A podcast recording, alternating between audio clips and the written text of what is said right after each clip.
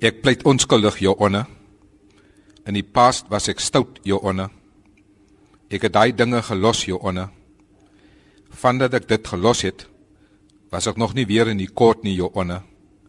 Ek loop die reguit pad, Jou Honor. In die verlede het ek my straf gevat, Jou Honor. Want diep binne my hart weet jy as jy verkeerd doen, Jou Honor. Maar nou, Jou Honor, pleit ek onskuldig. Hoe kan die government my taal Afrikaans kom seermaak, Jou Honor?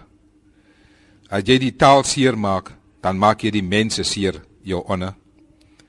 Die los het dan duidelik, jy mag nie mense seermaak nie, Jou Honor. Ek is vandag in die hof vir my taal, Jou Honor. Protect ons taal Afrikaans, Jou Honor, asseblief. My hart is vandag seer, Jou Honor. Ek het die crime gelos, Your Honor. Nou kom met die government 'n crime, Your Honor. Hoe werk dit, Your Honor? Your Honor, help ons met Afrikaans, asseblief, Your Honor. Help ook ons swart broers se taal, Your Honor, isiXhosa. Ons is saam in die ding, Your Honor. Afrikaans, isiXhosa en Engels, Your Honor. Ek pleit vandag onskuldig. Dankie jou onne. Mag die Here u seën. Die regter bevind Afrikaans is onskuldig en die hof verdaag 'n minuut voor middernag. Dankie. Dit dan die stem van Dr. Ivan Meyer, minister van sport en kultuur in die Wes-Kaap. Hierdie spesifieke gedig is een van die gedigte en ook een van sy gedigte wat vervat word in die nuwe digbundel saamgestel deur Floris Brown, Theater van die verlore tyd. Minister, wat is jou pleidooi met hierdie gedig? My pleidooi met hierdie gedig is dat 'n mens nooit moet tou opgee vir jou taal nie, dat jy moet veg vir jou taal. Maar daar is 'n ander belangrike dimensie. Die gedig Afrikaans is onskuldig vertel die verhaal van 'n man wat in die verlede betrokke was by misdaad, maar die misdaad gelos het en aanbeweeg het met sy lewe. Maar toe sien hy dat sy taal kom onderdruk en hy wend hom tot die hof. Hy sien daar word in die parlement gepraat, by die universiteite word daar gepraat, maar die regering luister nie.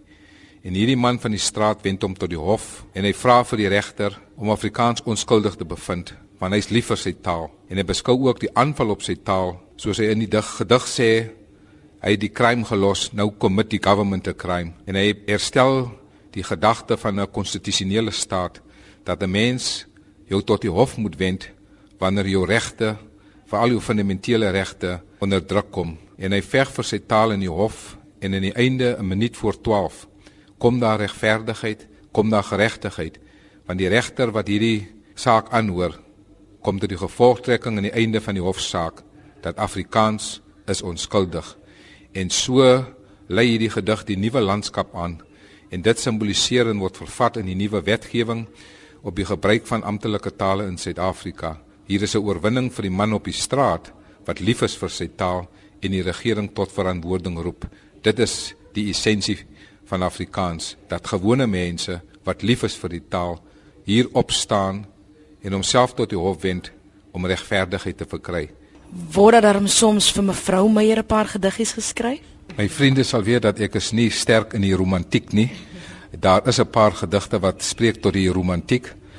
Ek het dit nie 'n uh, uh, sterk aanklankings vind binne die uh romantiek nie, maar my gedigte handel meer oor die samelewing, oor die mense, maar ek vertel dikwels die verhaal van my vrou, want dit demonstreer ook kulturele warmte.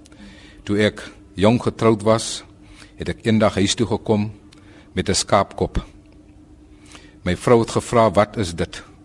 Ek het gesê dis 'n skaapkop en sy het vir my gesê jy bring nie daai ding in my huis nie. Ek het maar na my vrou geluister en die skaapkop agter in my werf gaar gemaak. My kinders was nog klein en hulle het gesien hier is 'n bietjie spanning en toe ek klaar die skaapkop gaar gemaak het, het my vrou gevra waar gaan ek dit eet?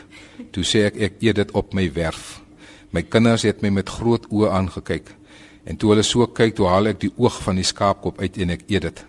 En my kinders hardloop terug en hulle sê vir my vrou, "Mommy, don't kiss that man anymore." En toe hulle dit sê, soen ek die skaapkop en hulle hardloop in die huis. En hulle het vir my gesê, Hulle sal nooit daai skaapkop eet nie. Dit toe hulle nog klein was. Vandag wanneer ek deur die Karoo ry, veral daar in Lensburg, by die Lensburg Karoo Lodge, stop ek en my kinders vandag eet lekker saam met afval. En so het ons begin toe my vrou gesê het, jy bring nie daai ding in my huis nie totdat ons al vier nou saam aan tafel kan sit en 'n skaapkop eet. En dit is wat kulturele warmte jou bring. Jy begin altyd nee, dis nie moontlik nie, maar kulturele warmte sê dit is moontlik om mekaar te vind. En my vrou en my kinders, ons het mekaar gevind rondom 'n skaapkop. Ons sluit af met die gedig My droom vir Afrika deur Dr. Ivan Meyer. My droom vir Afrika. Afrika, mamma Afrika. Mooie Afrika van noord tot suid, van oos na wes. Afrika, my Afrika, ons is lief vir jou. Swart koffie, gebakte brood, so keer ons die nood.